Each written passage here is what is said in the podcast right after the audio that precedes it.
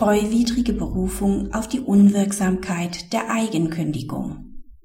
Beruft sich der Arbeitnehmer auf die Unwirksamkeit einer schriftlich erklärten fristlosen Eigenkündigung, verstößt dies regelmäßig gegen den Grundsatz von Treu und Glauben. Der Arbeitnehmer ist seit 2002 für den Arbeitgeber als Betriebsleiter tätig. Nachdem der Arbeitgeber am 18.08.2003 einen Antrag auf Eröffnung des Insolvenzverfahrens stellt, kündigt der Arbeitnehmer schriftlich das Arbeitsverhältnis am 19.08.2003 fristlos wegen Verzugs des Arbeitgebers mit der Gehaltszahlung.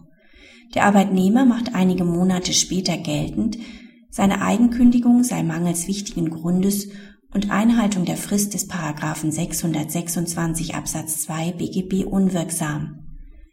Da ein Betriebsübergang stattgefunden habe, fordert er mit seiner Klage von dem vermeintlichen Übernehmer die Zahlung des noch ausstehenden Gehalts. Die Klage bleibt in allen Instanzen erfolglos. Nach Ansicht des BAG gelten für eine durch den Arbeitnehmer ausgesprochene außerordentliche Kündigung dieselben Maßstäbe wie für eine arbeitgeberseitige Kündigung. Eine solche Kündigung ist daher nur wirksam, sofern ein wichtiger Grund im Sinne von 626 Absatz 1 BGB vorliegt und die Kündigungserklärungsfrist des 626 Absatz 2 BGB eingehalten wird.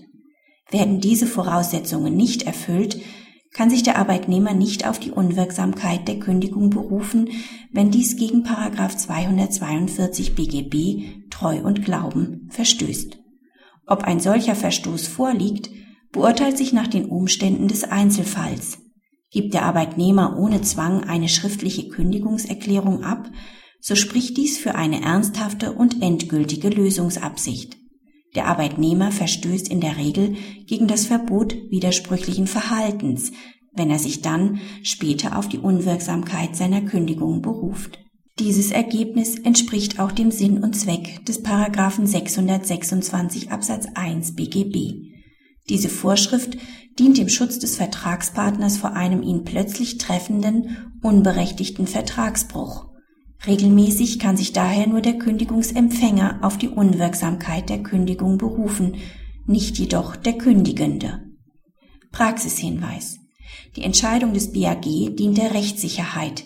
Ihr ist daher zuzustimmen. Macht der Arbeitnehmer einmal seinen ernsthaften Lösungswillen deutlich, liegt es beim Arbeitgeber, ob er die Kündigung gegen sich gelten lassen will. Ist dies der Fall, darf er nicht noch lange Zeit später dem Risiko von Forderungen des Arbeitnehmers ausgesetzt sein.